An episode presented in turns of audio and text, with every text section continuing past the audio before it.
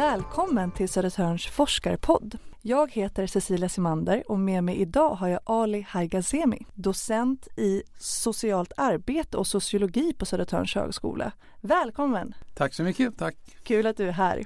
Ja. Du har ju jobbat på skolan i många år, eh, både som lektor i socialt arbete eh, och vad är din titel nu? Om jag får Eh, fråga. ja, nu är jag proprefekt på institutionen för samhällsvetenskaper. En institution som består av eh, åtta, nio ämnen. Nio ämnen eh, kommer det att bli eh, framöver. Eh, Spännande. Och vad jag förstår så är du också nu delaktig i en forskningsgrupp som heter Reinvent här på skolan. Vad gör ni där? Ja, vi forskar kring eh, eh, stadens utveckling så att säga i det nya Sverige. Eh, liksom, och framförallt eh, den, den, den del av eh, så som mi- min forskning handlar om det är just hur eh, människobehandlande organisationer eh, ser ut eller, eller kommer att se ut i den nya staden.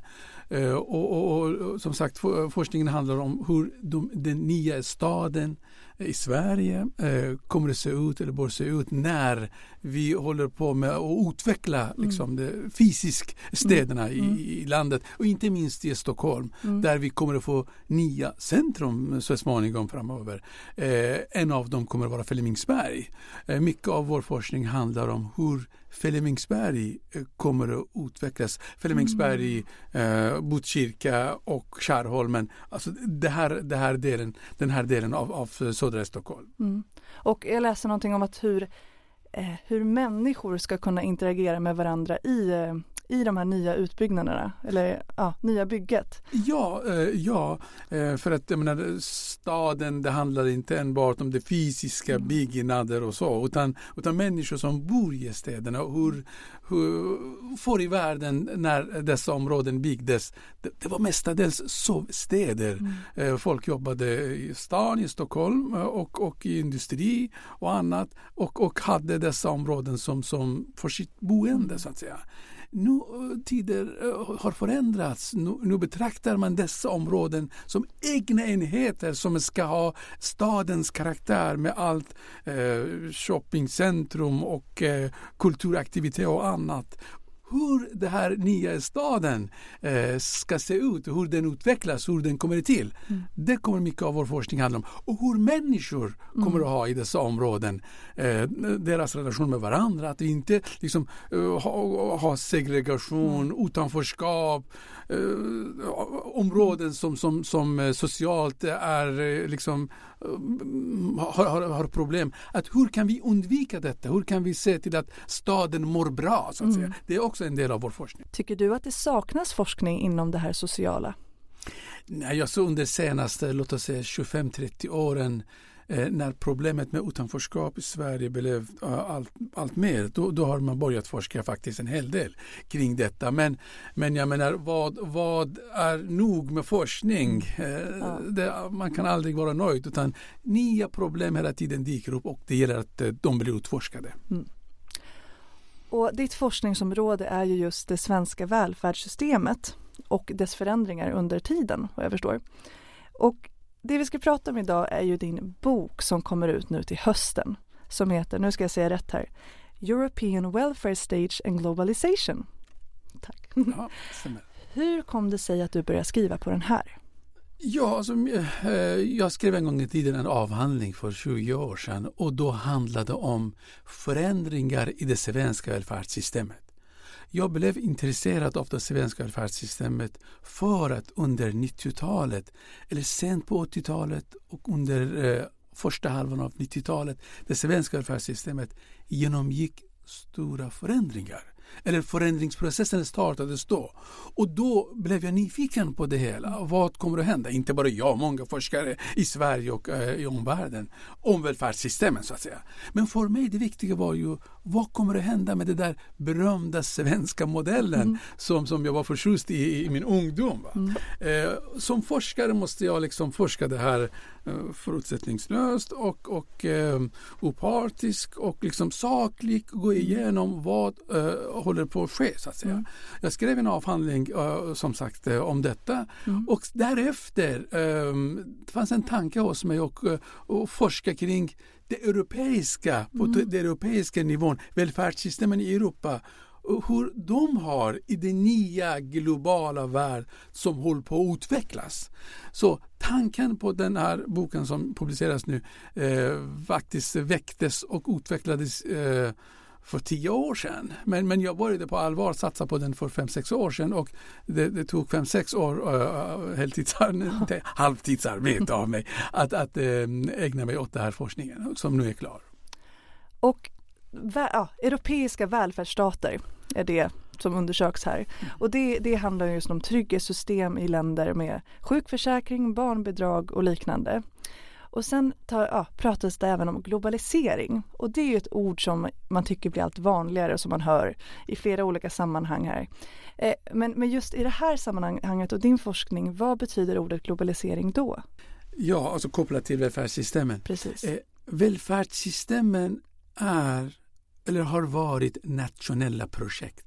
Det vill säga i varje land beroende på förutsättningar landet har, har det utvecklats välfärdssystem anpassat till eh, kulturen, det historiska bakgrunden, eh, mm, sociala rörelser, politiska partier, alltså hur eh, liksom, eh, Eh, maktresurser mellan olika politiska block ser ut i ett mm. samhälle.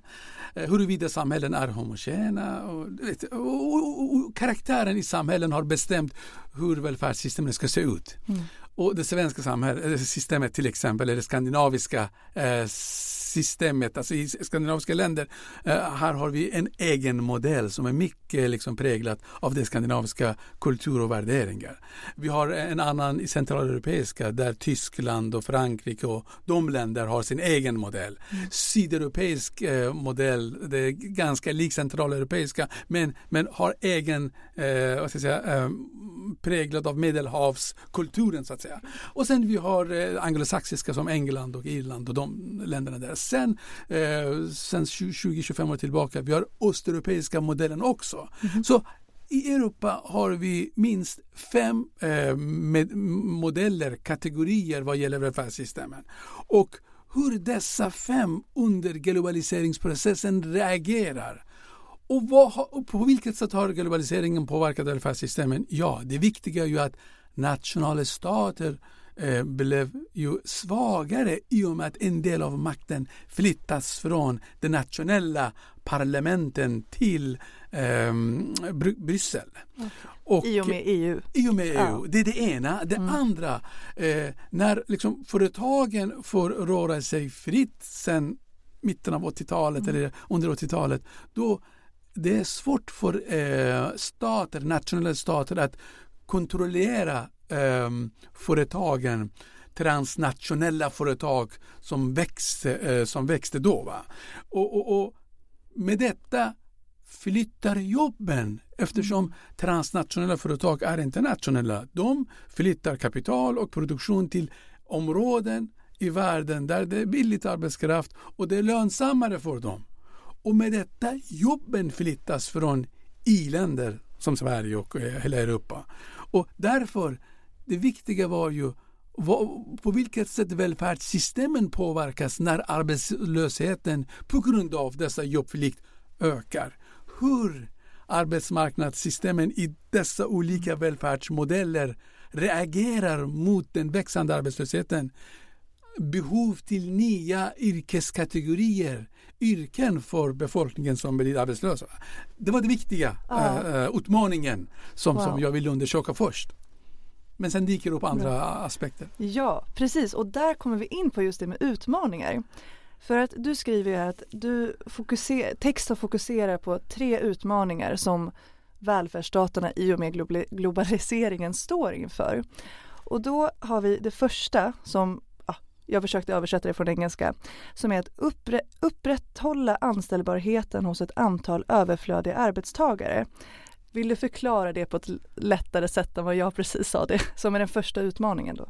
Ja, mm. eh, när jobben flyttar genom att eh, den del, eller de produktioner som är inte lönsamma flyttas från Sverige i de branscher där det är lönsammare att liksom ha eh, industrin i Kina till exempel. Mm.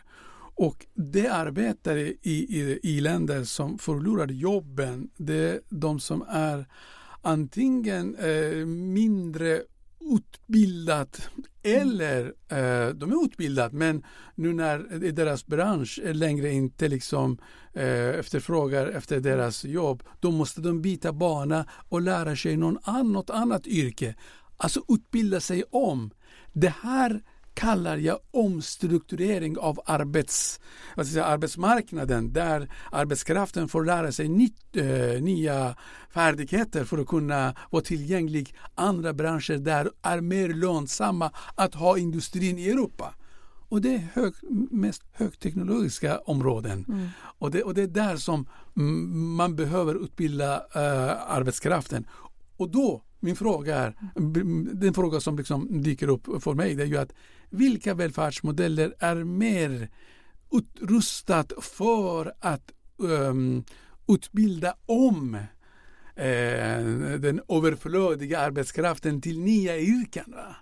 Eh, och, och, ja. mm, så, så mm. min forskning liksom går igenom hur, hur välfärdssystemen reagerar mot detta fenomen. Mm, mm. Och det ska vi komma in mer på. Och vi ska också gå igenom, du skriver om en annan utmaning här som också eh, kommer med det här. Eh, socialpolitiska åtgärder för att öka ja, barnafödsel eller, eller som, om jag förstått det rätt. Eh, vad, vad, vad, menar du med det?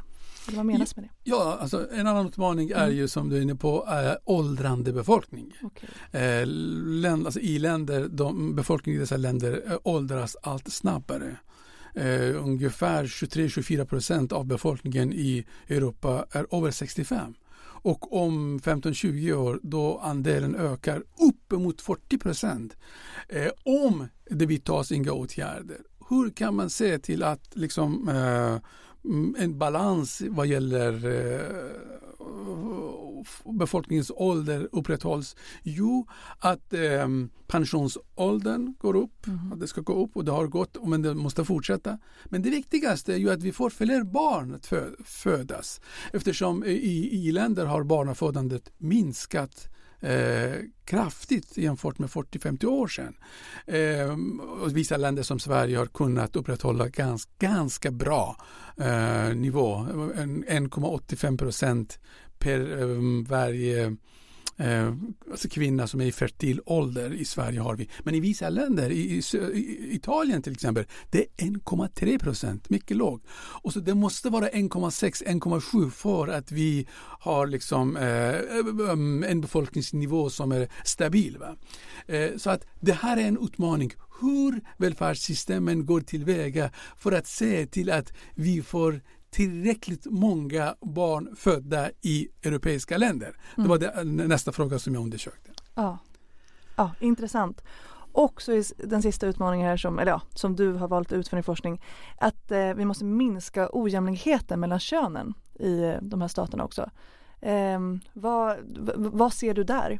Men för, fram till 40, 50, 60 år sedan eh, de flesta, i de flesta länder i Europa vi hade eh, mm, hemmafruar, det vill säga mm. kvinnor var inte i arbetsmarknaden. Eh, en kollega till oss, eh, Kristina Axelsson, skrev en avhandling eh, under 70-talet som som just handlar om när hemmafrun försvann. Ja. Jag menar, red, även under 70-talet vi pratar om det här. Eh, så att Eh, sen kommer um, kvinnor i arbetsmarknaden och med det det är både en demokratisk rättighet att kvinnor kommer in i arbetsmarknaden, har eh, jämställd, eh, liksom här, jämställda rättigheter som, mm. som män. Det, det, är en aspekt. En annan aspekt om man tittar på det här ur ekonomiskt perspektiv också. Det är viktigt för att om eh, arbetskraften i ett land, både män och kvinnor, är med och producerar då ekonomin i, i, i landet i ett nationalekonomiskt perspektiv, den, den, den eh, ja, ehm, BNP, eller, mm, både tillväxt och, och, och BNP den, den, kommer att vara på rätt nivå. Va? Så eh, jag ser på jämställdhet både från mm, både politiskt perspektiv, en rättighetsfråga, legitimitetsfråga för staten men också eh, ekonomiskt. Att det är viktigt. Och då hur välfärdssystemen i uh, de här uh, fem modeller som jag har nämnt mm. i Europa förhållit sig för att se till att vi har en jämställd samhälle, jämställd arbetsmarknad så att kvinnor både och män har, har uh, samma rättigheter mm. både i arbetsmarknaden och, och för övrigt i samhället, i politik och allt. Det tittar jag också på hur välfärdssystemen har agerat, agerat på detta. Och lite mer då detaljerat, eh, hur går du tillväga för att undersöka det här och eh, vad, vad, vad, ser du, inte kanske vad du kommer fram till, men, men vad ser du? Ser du några mönster eller vad hittar du i det här i forskningen? Ja, det, det som jag säger, det, det, jag blir inte förvånad eh, för att jag kände till hur olika modeller är utformade och reagerar. Och eh, Det som jag kan säga att eh, välfärdsmodeller det som jag kan som det viktigaste komma fram till det är att det finns en sorts path dependency. Det vill säga det system som en gång utvecklats det fortsätter att vara så. Och det är svårt att ändra mönstren på hur välfärdssystemen har agerat under en historisk, under en period. Och, eh, och för mig det var fascinerande att se att, att modeller agerar efter sin egen historia och förutsättningar i, i, i länderna. Mm. Eh, och eh, förändringar i systemen går tröga. Eh, både för att eh, systemen, välfärdssystemen har skapat en sorts förväntningar hos befolkningen i, i länderna. Mm och dels att systemen har eh, vad ska jag säga, um, lovat eh, förmåner och ersättningsnivåer och så vidare som det är svårt att få tillbaks för att människor har vant sig vid. Ja. Så människor och välfärdsstaternas operatörer, det vill säga de som jobbar inom den offentliga sektorn, de står emot eh, större förändringar om stater vill bedriva genomgripande förändringar. Mm. Eh, och det, det, det, var fascinerande för mig att se att, att, att, att länderna fortsätter utifrån den modell de har. Spännande. Och, och, det var en annan sak som jag tyckte var intressant som du skrev här är att i den, i den offentliga debatten så blir välfärdsstater ofta beskrivna eller framhållna som e, e, en belastning för, en, för den ekonomiska tillväxten inom vad jag förstår globaliseringen. Eh, vad, vad, vad, vad beror det på? Ja, för att eh, välfärds, eh, välfärdsorganisationer, eh, både servicesektorn, olika former av ersättningar som ett välfärdssystem har, det kostar. Va? Det, det, mm, det mm. kräver resurser. Va? Mm. Och det är det, utifrån det som har en hel del ekonomer har, har tagit just upp detta att välfärdssystemen kostar och, och så, de, de, de belastar ekonomin och så vidare. Men många studier som har gjorts innan, innan mina studier och det studier som jag gör nu visar att eh, de välfärdssystem som är dyrast, som kräver mest resurser, det vill säga de i nordiska länder, även om de har kostat mycket och de kostar mycket, ändå Eh, det har inte påverkat negativt ekonomin i, i, i Sverige, Danmark, Norge, Finland. Mm. De här länderna eh, liksom har klarat sig bäst under globalisering. Eh, vad gäller ekonomisk, alla ekonomiska liksom, indikatorer visar att det går bra för dessa länder. Även om de har välfärdssystem som är mycket eh, vad ska jag säga, eh, dyra för, för ekonomin om man ska säga så. Mm. Vad det hela beror på? Ja, och hela min bok också handlar om detta när jag jämför med, med, med, med eh, Tyskland och när jag mm. jämför Danmark, Tyskland, Italien och Polen, dessa fyra länder. Ja. Jag jämför. Eh, det visar att eh, välfärdssystemen rustar dessa samhällen, alltså de nordiska samhällen, med kvalificerad arbetskraft.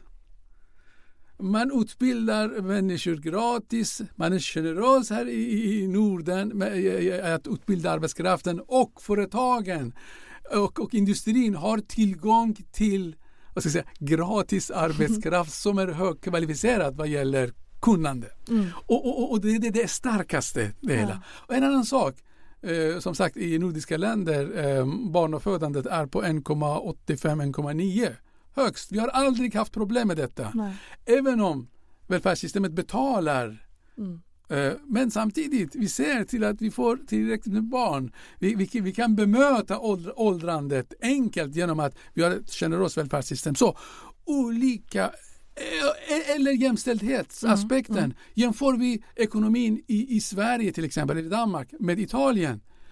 Om Italien skulle ha eh, samma eh, förvärvsfrekvens bland kvinnor, sina kvinnor där i Italien, då skulle deras BNP varit högre, un- ungefär 10 procent än vad de har det idag.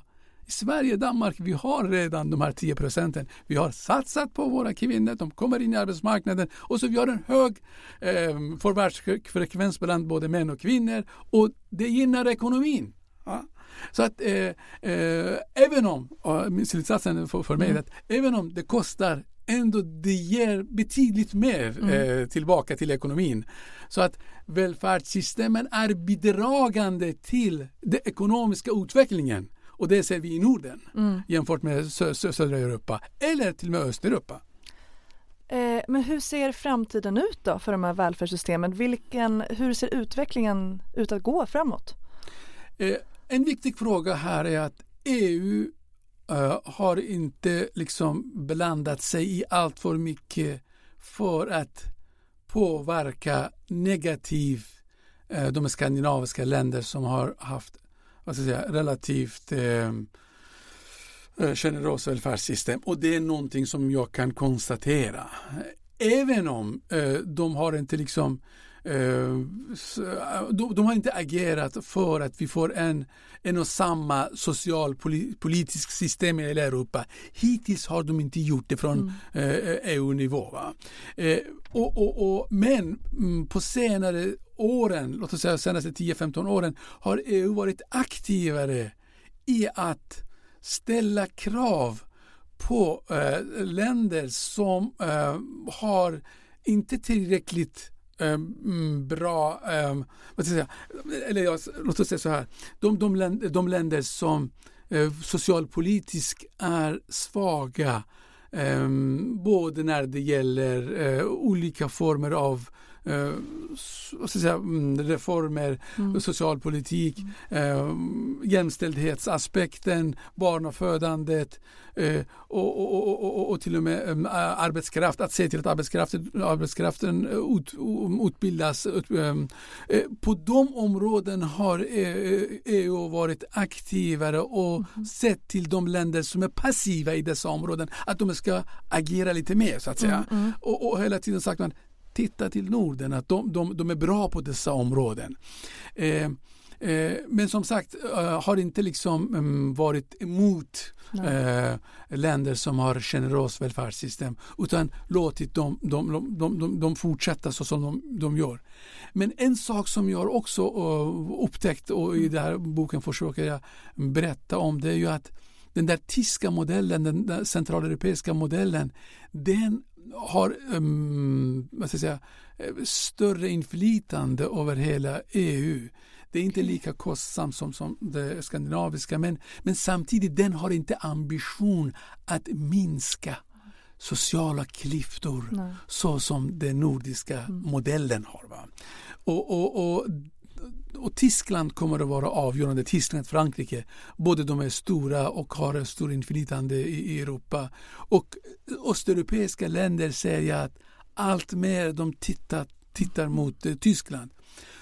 Och Tyskland och Frankrike i sin tur eh, har också koll på hur utvecklingen i Norden ser ut. Mm. Till exempel Angela Merkel, hon var mycket intresserad av eh, vår familjepolitik. Mm. Det här jämställdhetsaspekten hon var intresserad till. Va? Så Mm. de plockar godbitar från den nordiska modellen men försöker behålla den där gamla centraleuropeiska modellen där det finns inte större ambitioner att ha, minska klasskillnader, minska s- klyftor utan låta olika sociala klass- klasser leva sitt så att säga. Mm, mm. Den, det, det, det var den stora skillnaden mellan, mellan. Norden och eh, centraleuropeiska modellen. Eh, så att eh, så att framtida Europa, vi kommer att ha olika modeller, eh, åtminstone så långt som jag, vi kan se. Mhm. Men att eh, det centrala europeiska kommer att dominera och eh, den skandinaviska modellen som är före i många system, eh, framförallt familjepolitik, arbetsmarknadspolitik, till och med när det gäller pensionssystemet. Eh, Polen till exempel har tittat närmare på det svenska eh, efter, vår pensionsreform. Så att utmaningen framför allt eh, ser jag att, att länder i södra Europa och Östeuropa har att hänga med utvecklingen i Norden och i Centraleuropa. Gud vad spännande. Och med de här orden måste vi börja avrunda. Men tycker man att det här låter som, vill man läsa mer om det ämnet, då ska man alltså hålla utkik efter en bok, European Welfare Stage and Globalization, som kommer ut i höst. Ja, det gör det. Jag får tacka så mycket för att du var med idag, Ali Haikazemi. Och så får, kul att du var med. Tack så hemskt mycket. Det var glädjande att vara hos er. Ha det bra. Du har lyssnat på Södertörns forskarpodd. Jag heter Cecilia Simander och tekniker idag var Emilio Tapia. Och tack för att du lyssnade.